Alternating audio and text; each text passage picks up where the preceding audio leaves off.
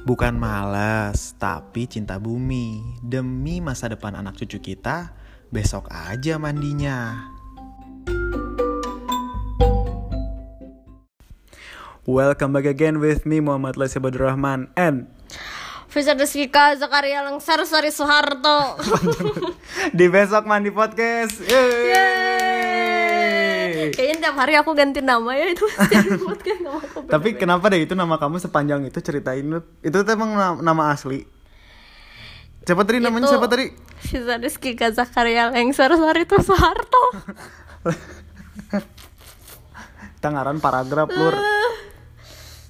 Tapi di waktu kelahiran Fisar Desvika Zakaria terus Itu mah cita-cita bapak dulu Aku lahir ketika 98 itu eh, pas banget 10 11 Mei itu lagi Soeharto dilengserin kan. Nah, makanya ada lengser sari Soeharto. oh, 11 Mei itu berarti visa yang lahir di saat Soeharto lengser. Iya, yang lagi Krismon dan tadinya juga mau dikasih nama Krismon eta. Visa Ngamuk. Ngamuk lah Ibu Is. Tahu jadi namain visa dari kartu kredit. Serius? Iya.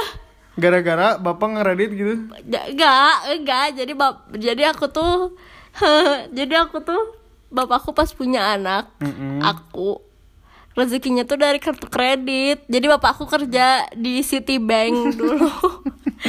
Jadi dapat duit aku apa sih biaya melahirkan, biaya segala macam dari Citibank. Jadi nggak ada visa kira. Untung ngarana lain ATM bersama. Untung tuh master, lalaki ada master. Di Master mas- Limbat. Pantesan kamu tertarik sama dunia politik dan hukum. Kenapa pertama kali awalnya kamu kan kuliah jurusan hukum ya? Mm-mm. Kenapa kamu milih jurusan hukum? Jadi gini, da- eh, dari dulu tuh bapakku selalu eh, menggali potensi apa yang aku punya dari kecil. Iya dilesin gitar, ya ikut karate, ikut boxer, terus segala macem gitu kan. Nah pas sudah pas sudah mulai pas udah mulai ke sini ke sini, bapak aku melihat potensi aku berbicara di depan umum dari kecil sudah berani dari kelas 1 SD gitu kan. Hmm. habis gitu bapak aku terus aku seneng eh, nonton TV berdua sama bapak. Lalu kita diskusi di berita ya. Berita itu dari SM dari SD SMP lah gitu ya. Terus pada akhirnya aku SMP itu udah mulai kepikiran aku udah tertarik sama dunia perhukuman gitu. Karena aku rasa malah setiap orang di dunia ini harus mengerti sedikitnya tentang hukum gitu. Karena kita apa namanya hidup tuh diatur oleh hukum gitu. Mau itu hukum agama atau hukum nasional gitu kan bener gak sih? Hukum alam nggak? hukum alam ya boleh lah. Boleh jadi itu salah satu teori yang ada di hukum. Hukum rimba? hukum rimba nyata maya di hutan bos. Habis gitu ya aku sangat kritis dulu sama pemerintah eh, dan parah banget otak aku tuh bisa sampai ke situ gitu ya tapi lama kelamaan setelah aku paham aku terobsesi juga pengen jadi anggota DPR ya dulu pas SMP itu Enggak, tapi edan. serius deh si Visa ini dia mau ikut PSI. Sebut si Ilyas Kenapa? Di- Itu siapa yang ngajakin Beb? enggak dengerin dulu makanya cerita aku mau cerita dulu Kenapa kamu tertarik jadi parpol? Pokoknya aku tuh pengen jadi anggota DPR. Aku sangat kritis sama pemerintah, tapi lama kelamaan ini nggak boleh ditiru sih sebenarnya. Lama kelamaan setelah aku paham apa itu hukum, apa itu pemerintah itu bagaimana, birokrasinya seperti apa, aku ilfeel dan kayak sikap skeptis aku keluar.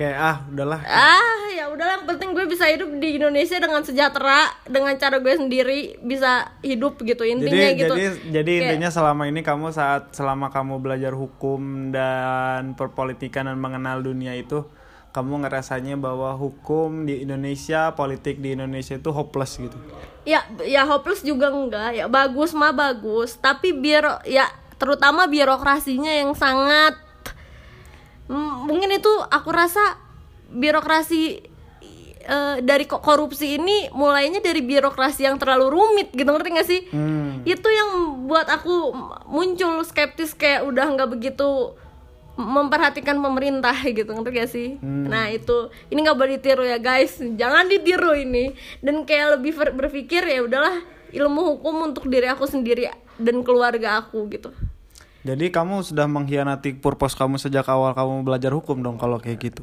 ya kadang itu bi- eh, bisa muncul gitu pikiran aku seperti itu kalau lagi aral. Ngerti gak sih? Kalau udah aral-aral banget apa pemerintah nih kalau lagi kesel.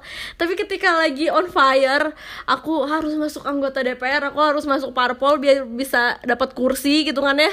Walaupun aku nggak punya duit kan ya kita tidak bisa memungkir ya dapat kursi di di legislatif tuh nggak nggak gratis gitu ngerti gak sih bukan nggak gratis ya butuh biaya juga gitu kan nggak 100 200 juta gitu Habis gitu Maaf, jatuh.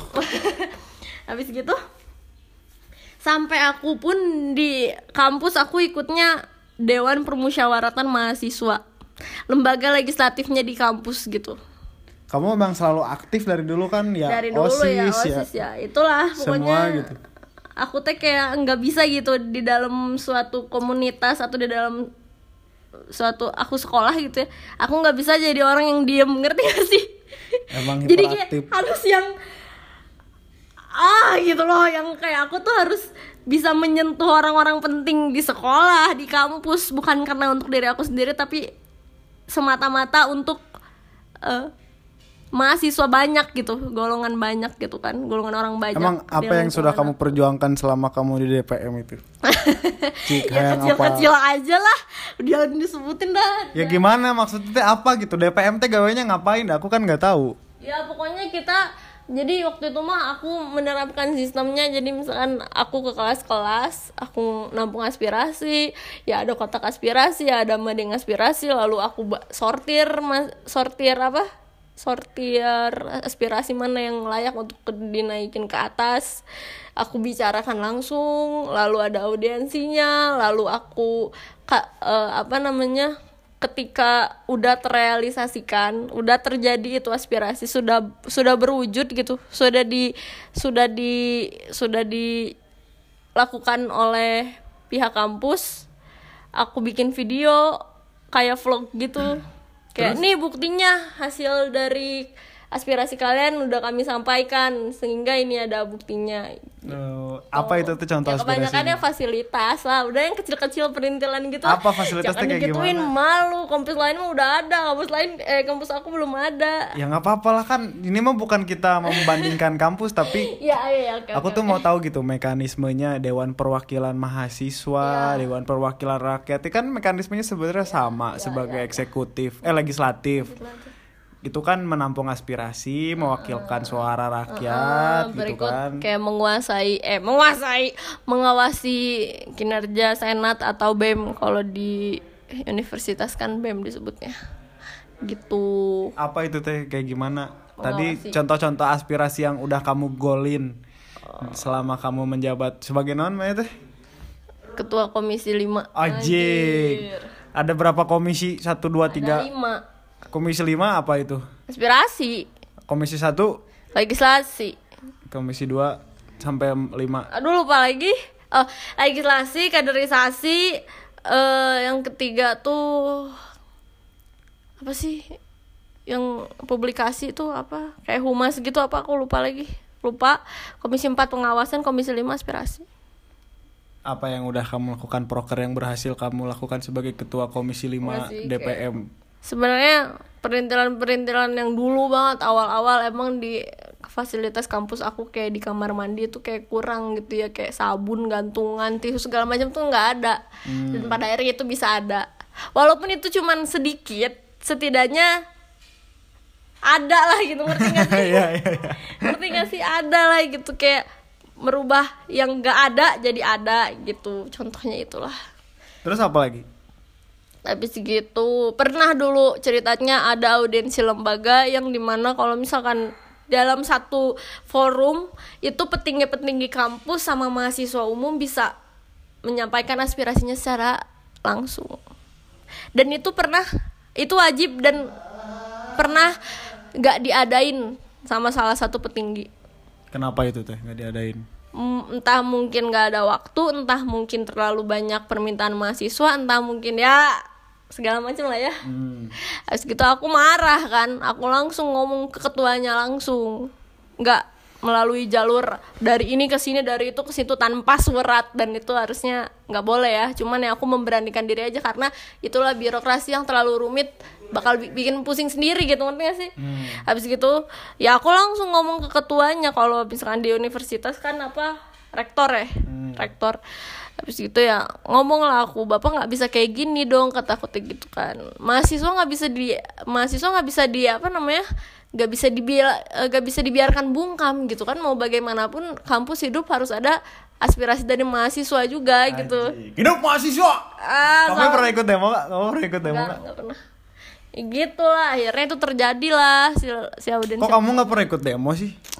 karena aku pikir cukuplah kita bergerak dari belakang gitu nggak jadi kayak ada porsinya. Ada orang yang mau demo silahkan kita dukung tapi untuk kalangan eh, teman-teman aku dan aku kita kayak cukup mengamat dan kenapa situasi buruk itu harus bisa terjadi gitu Gak ngerti ah. ngerti gak sih jadi Kamu ngomongnya kayak politikus, kupuiran. Iya jadi jadi ada sekelompok orang yang emang pengennya demo, dia beraksi, beneran real beraksi. Ada sekelompok orang yang tetap memilih diam di belakang, tapi kita mengamati, ngerti gak sih? Omdo dong berarti. Nggak bukan omdo, tapi Terus ngapain dong? ya kita kita bisa eh, apa namanya?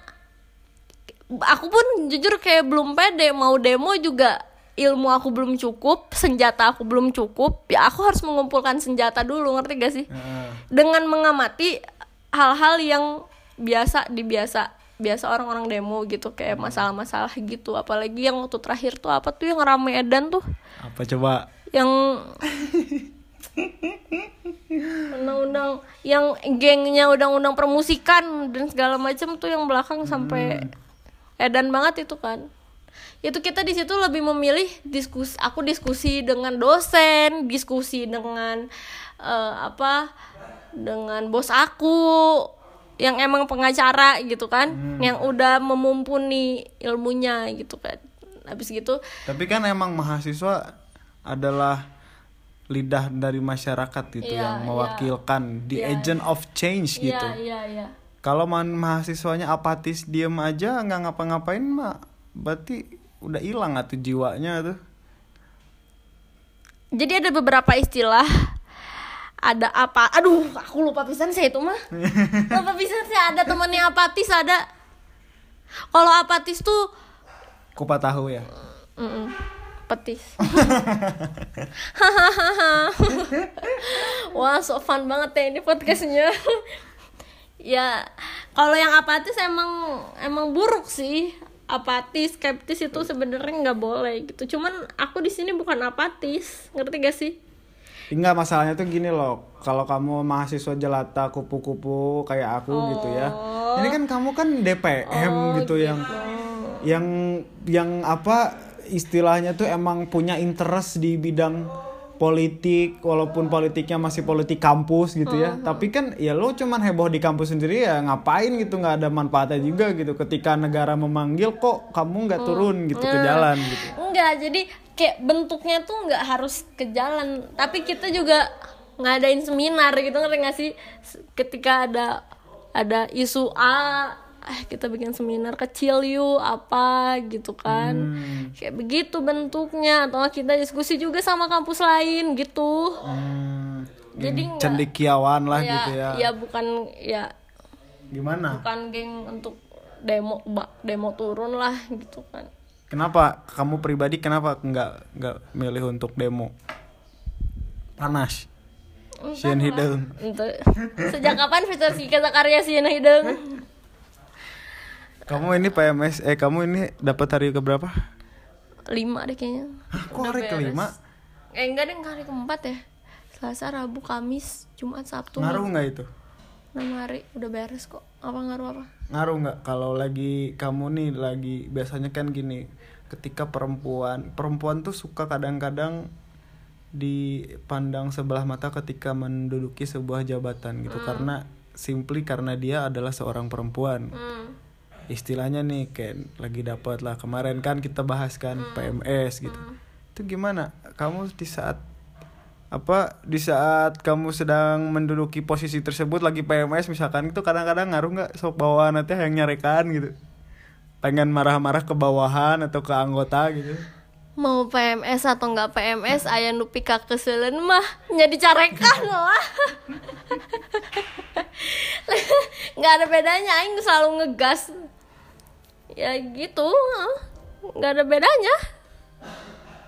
Kalau kamu lihat nih sebagai perempuan yang punya interest di bid- ya kamu berarti kan termasuk perempuan yang apa ya yang yang beda lah gitu. Karena perempuan yang berani gitu. Berani berani mengambil posisi mengambil apa mengambil kebijakan gitu kan pandangan kamu deh gitu. Sekarang kan ngeliat banyak perempuan-perempuan gitu di luar sana. Kamu ngelihatnya gimana sih fenomena sekarang? Fenomena wanita dan dunianya dan dunia pria gitu dan dunia kerja gitu. Oh pernah nggak? Maksudnya dalam bidang apa apa pun apa pun. Kamu sebagai perempuan ngelihat itu gitu. Aku memandang positif dari semua kegiatan masing-masing wanita yang mereka sukain gitu ngerti gak sih? Kayak ya mereka mau pasif juga nggak apa-apa ngerti gak sih?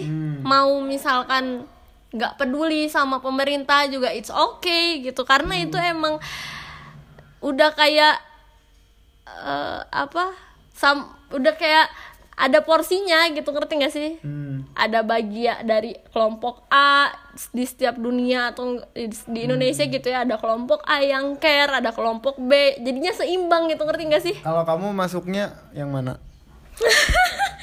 Kalau saat ini aku lagi lagi di skeptis sih. Nggak peduli.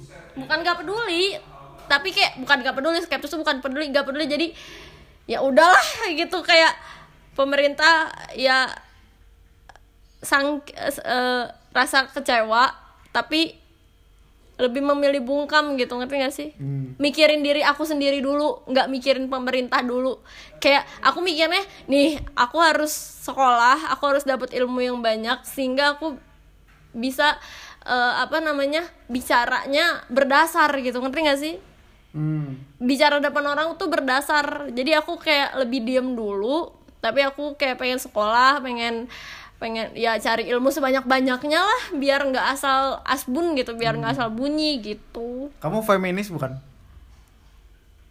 kelihatannya gimana Enggak, ngeliat lah ini mah ini mah ya statement kamu dong, bukan sta- statement Iya aku. lumayan lah Kok lumayan tuh gimana? Feminis lumayan tuh gimana? enggak sih aku ti- tidak menganut suatu paham yang yang apa misalkan aku feminis feminis banget nih gitu. Nggak gitu sih kayak di netral aja aku tidak menganut suatu paham yang Kenapa? Netral. Politik tuh nggak mungkin netral, Beb. iya karena ya aku tahu. Karena aku tuh sekarang ini cuma ngebacot doang. Ya walau alam gimana kita nggak tahu ke depannya kalau aku udah duduk di kursi legislatif. Hmm. langsung mikirnya ke perut kan? Nazmi Mizalik ya. Nazmi Mizalik jangan sampai kayak gitu gitu. Apa tadi pertanyaannya kamu feminis bukan? Kenapa Iya. kamu Oh, kenapa kenapa, kamu netral? netral? Nggak nggak mungkin ada yang netral di dunia. At least di pandangan aja kamu ya at least setuju apa enggak sama feminis? setuju sih Hmm? setuju sih Kenapa setuju? enggak Nggak setuju. enggak enggak maksudnya ya aku setuju karena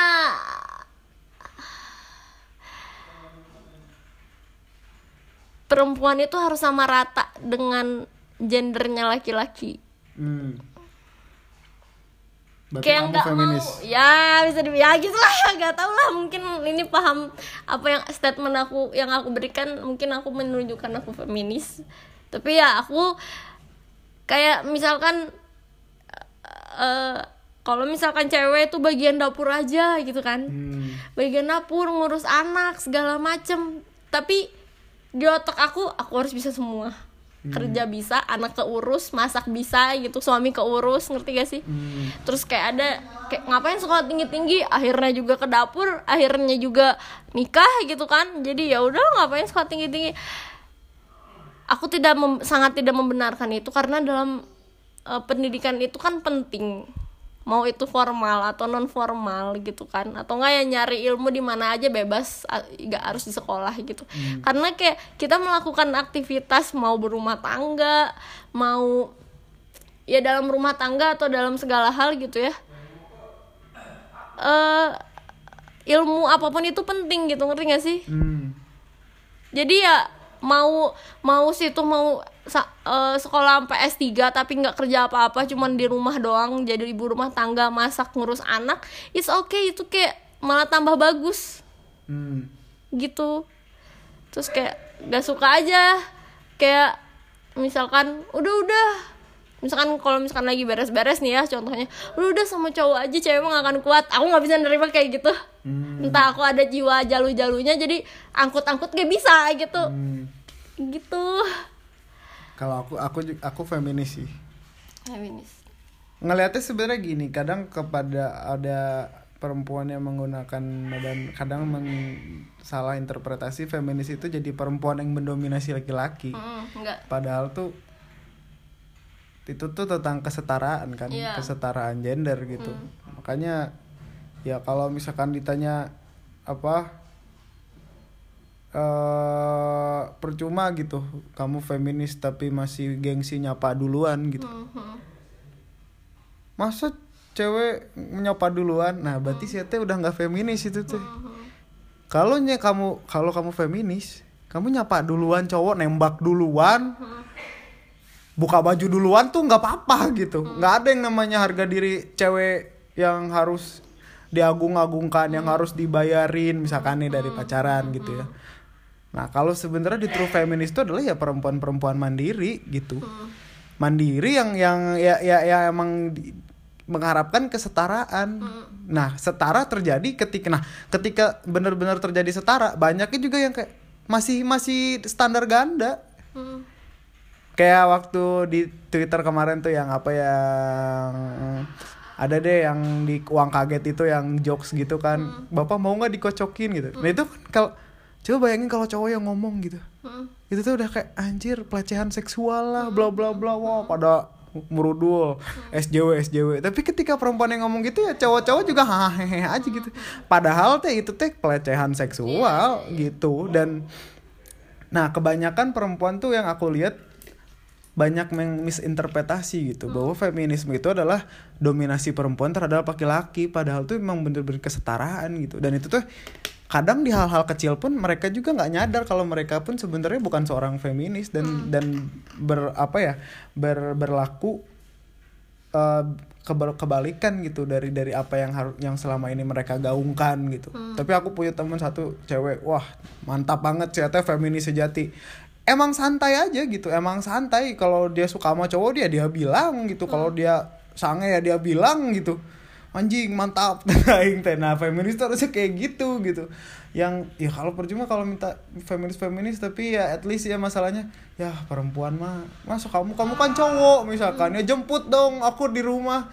Berarti saya teteh lain feminis bro ya mah cuman pengen diistimewakan yang akhirnya jadi ya perempuan yang mendominasi laki-laki. Kata aku mah begitu kayaknya aku dari dulu udah feminis kali ya. Hmm. karena aku pun kayak diajarin kalau misalkan dalam hal pacaran gitu ya. Kayak diajarin kamu kalau misalkan main tuh jangan cowok aja yang ngebayarin kasihan gitu kan. Orang tua aku kayak ngejarin kayak gitu. Kamu dunan apa sih PT-PT gitu kan. Habis gitu kayak eh, kayak jarang juga minta antar jemput. Nyaris gak pernah min- minta antar jemput kalau ke sekolah gitu ya. Kecuali mau gering gitu mau kapaksa-paksa teuing gitu ya. Min apa sih ya itu juga kayak bukan takut kayak segen aja gitu ngerti gak sih? Hmm. minta pokoknya aku kayak ya aku segini mah jujur kayak mandiri ya. Hmm. kalau misalkan dibandingin sama pasangan gitu ya. Mandiri sih kamu. Aku pal aku cuman kebagian ngan cuman kebagian tugas nganterin pulang doang paling kalau kemalaman kamu takut nggak jemput mah enggak. Tapi beneran loh Beb, maksudnya aku emang nggak pernah cocok sama perempuan yang terlalu girly. Hmm. yang terlalu bukan terlalu feminim ya tapi terlalu apa ya harus tetap ada sisi tomboynya dikit gitu karena biar nyambung gitu ada soalnya kalau cewek-cewek tomboy itu mereka tuh nggak manja gitu Hmm. cewek-cewek yang bukan ini ini mah selera aku ya Iya, maksudnya iya, nih, ini bukan secara aku tuh akan nyaman dengan perempuan yang uh, they know what they're doing, they know what they want gitu. Dia tahu mau ngapain. Jadi bukan kayak yang ngebucin teh cowok terus atau pacaran teh cowok terus heboh pacaran gitu misalkan nggak ada kesibukan lain dia cuman ya dia cuman sibuk mikirin diri dia sendiri misalkan dandan lah apa wah pokoknya ini skincare keluar ini heboh sama hal-hal kayak gitu gitu. Bukan sama hal-hal yang kayaknya banyak yang lebih penting gitu loh atau justru malah nah itu yang bikin aku kayak soalnya yang kayak gitu misalkan ya cewek-cewek kayak gitu. Tuh biasanya punya teman-teman grupis yang cewek-ceweknya yang satu tipe tuh gini. Yang ngejulitin orang lah yang apalah anjir makanya saya jarang cocok main sama cewek. Iya tapi rata-rata aku juga baru ngeh pacar aku kebanyakan emang ada sisi tomboynya rata-rata gitu ya. Yang nggak terlalu girly banget gitu. Hmm. kayak aku girly ada girly girlynya nggak? Ya ada lah girly mah maksudnya maksudnya tuh tapi yang yang yang secara pola pikir tuh mereka ber- berpikir bahwa iya gue cewek tapi ya bukan berarti gue nggak bisa melakukan apa pun itu gak sih? Gue cewek dan gue bisa ngapain aja gitu. Gue mampu dan gue bisa percaya gitu. Nah itu yang eh, aura-aura dan pola mindset mindset kayak gitu yang yang kalau nanti kalau pacaran sama cewek-cewek mandiri tuh aku jadi ke bawahnya teh kayak santai gitu. Nggak ada beban-beban kayak kamu kok mana aja? Kok nggak pernah ngabarin? Wah anjing itu udah bullshit besar lah itu pada pasti dan aku juga dari dulu gitu ya kayak udah mikir dari SMP aku harus bisa nyetir motor mobil gitu. Hmm. biar aku nggak usah ngerepotin pacar atau suami gitu ngerti gak sih? Ya aku ke mana-mana harus bisa sendiri gitu mau ada pasangan juga gitu kan. Intinya jangan sampai bikin ribet orang gitu. Hmm.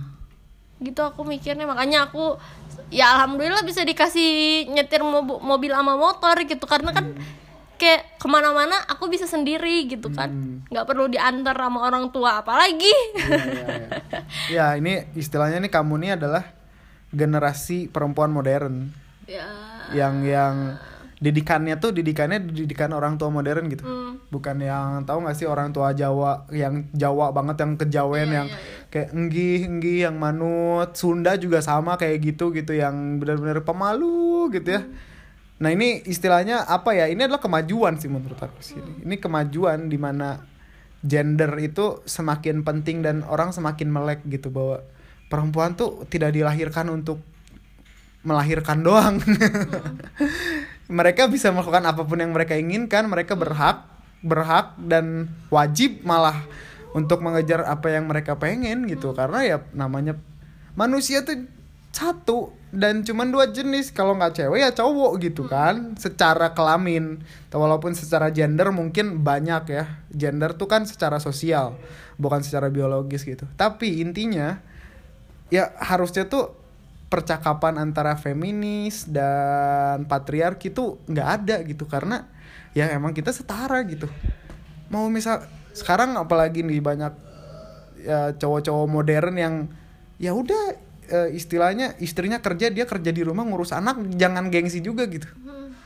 Cowok nggak bisa nggak usah nggak usah bisa masak nggak harus bisa masak gitu karena itu tugas cewek. Itu menurut aku apa ya? Ya kamu lihat sendiri lah aku gitu ya aku masak masak gitu. Maksudnya ya nah nah aing nggak boleh eh harus nggak bisa masak gitu. Kenapa cowok kalau istilahnya pakai baju pink jadi semakin kelihatan feminim kenapa gitu? Apa salahnya gitu jadi ya ya batasan-batasan kayak gitulah kotak-kotak seperti itulah yang sekarang tuh istilahnya udah mulai didobrak lah satu-satu tuh batasan-batasan itu. Bagus itu menurut aku tuh bagus itu. Ini kamu adalah contoh salah satu contoh perempuan milenial ini yang generasi milenial didikan orang tua yang open minded gitu kasihan juga loh yang ya banyak perempuan-perempuan yang memang dididik ya sebagai princess gitu ya yang ah gitu. Malah aku ya aku nih dari dulu nggak kalau misalkan si cowoknya kayak maksa ini tuh mau aku diantar ke sini ya dijemput ke sini. Sama aku jauhin. Aku pernah punya pacar aku ceritanya les terus dia selalu tiap hari ngejemput aku malam-malam. Ngejemput di tempat les dan aku itu selalu nyumput. Karena nggak mau gitu ngerti gak sih? Ah. Ini ya temen aku ada aku tet- tetangga aku ada yang satu les satu kelas ya. Aku kan bisa bareng sama dia bisa nebeng sama dia gitu ya. Dulu pas SMP belum bisa belum boleh bawa motor kan. Ah. ya ngapain lo harus jemput gitu kan? Terus kayak kurang suka juga disoswitin kayak dikasih bunga atau enggak kayak diperhatiin berlebihan. Terus Pantesan kamu cinta mati sama aku ya. Aku udah mah nggak peduli. Kulehe tarananya. Tidak ada perhatiannya. gak sih ya perhatian tapi jarang tapi sekalinya perhatian bikin sadar gitu ngerti gak sih apa emang abang abang aku Nggak perhatian apa ya kamu? jadi kalau besok ya gitulah agak udah Itu enggak. malu Enggak kenapa sok aku perhatiannya gimana asa aku mah nggak perhatian. Jarang sih jadi lupa. Ya kan? Makanya dah emang. Aku aku emang tipe tipe yang nggak ini sih ya. Ih, pernah. Kamu pernah sekali. Aku ngeluh sakit perut. Ngeluh sakit perut kan. Terus habis gitu aku, kamu nyuruh aku minum obat tapi aku nggak mau. Hmm. terus sama kamu dialungin obatnya. Itu ya kayak itu bukan bukannya sakit hati malah mikir aku oke oke aku bakal nurut gitu ngerti gak sih malah nurut gitu mikir Kagak masalahnya tuh obat udah dibuka dari tempatnya. Eh. Lagi tuh obat. masalahnya tuh gini kamu tuh ongkonya sakit, oh, sakit sakit, kok aing bare obat embung, tapi tuh mau cicing sakit perut sakit, Iya. udah gandeng gitu, nyang geus minum obat oh, gitu. gara-gara gandeng kamu teh bukan gara-gara Aku tuh paling nggak suka kalau misalkan ada orang ngeluh tapi nggak dikasih solusinya nggak mau gitu. tapi dia tuh ngeluh terus gitu. Kayak what the fuck are you doing gitu. kalau misalkan mana nggak mau dibantuin ya jangan ngeluh gitu. iya iya iya menurut aku tuh orang yang ngeluh tuh ya dia ngode minta bantuan gitu kayak gitu Itulah. di sini kita podcastnya ngomongin apa ya nama juga besok mandi podcast iya terserah. Skrip. iya. Ini kan kita nemenin kalian ya yang yang lagi lockdown. Yang lagi gabut di rumah. Ya udah dengerin kita ngobrol aja ya Ki. kira-kira ya memang ilas kalau sama Visa ngobrol ya kayak gini. Pak urat-urat gitu kadang unjang anjing gitu ya. Nah ya gini ini juga. Maksudnya apa ya emang nggak tahu ya ini bagus apa enggak ya gitu sebenarnya gitu. Tapi aku tuh kadang suka ngomong kasar. Lain kadang deh. Tapi aku tuh nggak cocok sama perempuan yang kayak ih kamu ngomongnya kasar. Aduh you are too soft kata terlalu lembut eh nggak bisa aku sama yang kayak gitu ya kamu kamu ngomong kasar juga kan?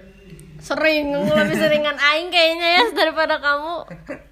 Tapi ya mungkin coba kalau kalian gimana nih punya tipe-tipe ya tipe-tipe pacar idaman atau tipe-tipe sebenarnya kalian pengen punya pasangan seperti apa sih gitu ya? Coba kirim VN ke anchornya besok mandi podcast. Di besok mandi aja search di anchor nanti kalian bisa kirim voice note ke kita. Kalau aku sih udah menemukan ini ya pacar idaman aku Ih, bacot. Kamu gak mau aku sesuitin enggak mau mau. Kali-kali mah nggak apa-apa dah. Apeksi. Afeksi. apeksi mental. Iya iya iya. Kira-kira ya udah gitu dulu aja ya episode kali ini. Aku mau sedikit bukan merangkum.